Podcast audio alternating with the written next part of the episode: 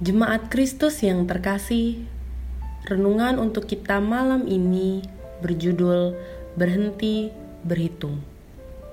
Dan bacaan kita diambil dari kitab Efesus pasal 2 ayatnya yang ke-8 sampai 9. Beginilah firman Tuhan.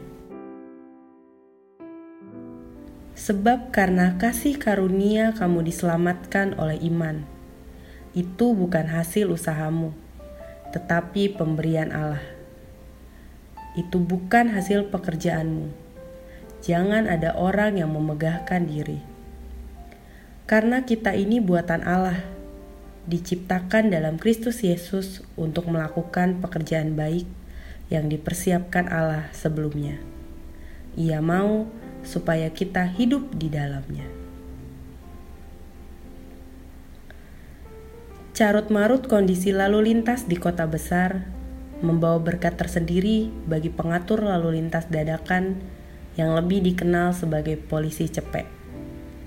Tak dapat dipukiri, ketika jalanan macet, kehadiran mereka cukup membantu.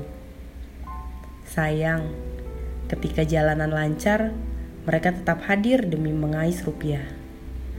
Tak jarang, mereka malah jadi biang kemacetan.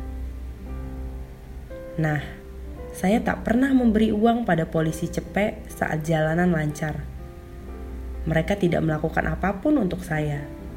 Mengapa saya harus memberi mereka uang? Menanggapi sikap itu, istri saya berkata, "Kamu belum mengerti makna kasih karunia." Saya tertegun. Betapa saya sudah menjadi orang yang penuh perhitungan Memang kita tidak harus memberi uang pada polisi cepet tadi. Tapi saya belajar prinsip memberi. Bukan berdasarkan apa yang sudah orang lain lakukan kepada saya. Kita terbiasa hidup dalam suatu pola di mana kita harus melakukan sesuatu terlebih dahulu sebelum kita pantas menerima upah. Syukurlah, sebagai orang percaya, kita diselamatkan bukan atas hasil usaha kita. Kita tidak melakukan apa-apa, semua pemberian Allah semata. Bukan karena keselamatan tak berharga, justru sebaliknya, keselamatan itu teramat berharga. Segala sesuatu yang kita lakukan tak akan membuat kita pantas menerimanya Allah tak menuntut kita melakukan sesuatu terlebih dahulu agar kita pantas diselamatkan. Itulah makna kasih karunia. Semoga kasih karunia yang sudah kita terima mengajar kita untuk tak selalu berhitung ketika memberi pada sesama. Jika Allah menghitung-hitung kebaikan dan keburukan kita, bagaimana mungkin kita dapat diselamatkan? Demikianlah renungan malam ini.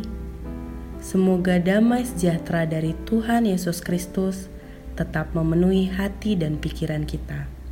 Amin.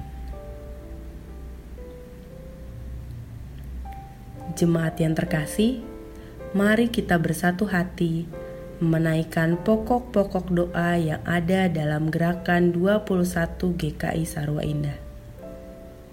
Mari berdoa.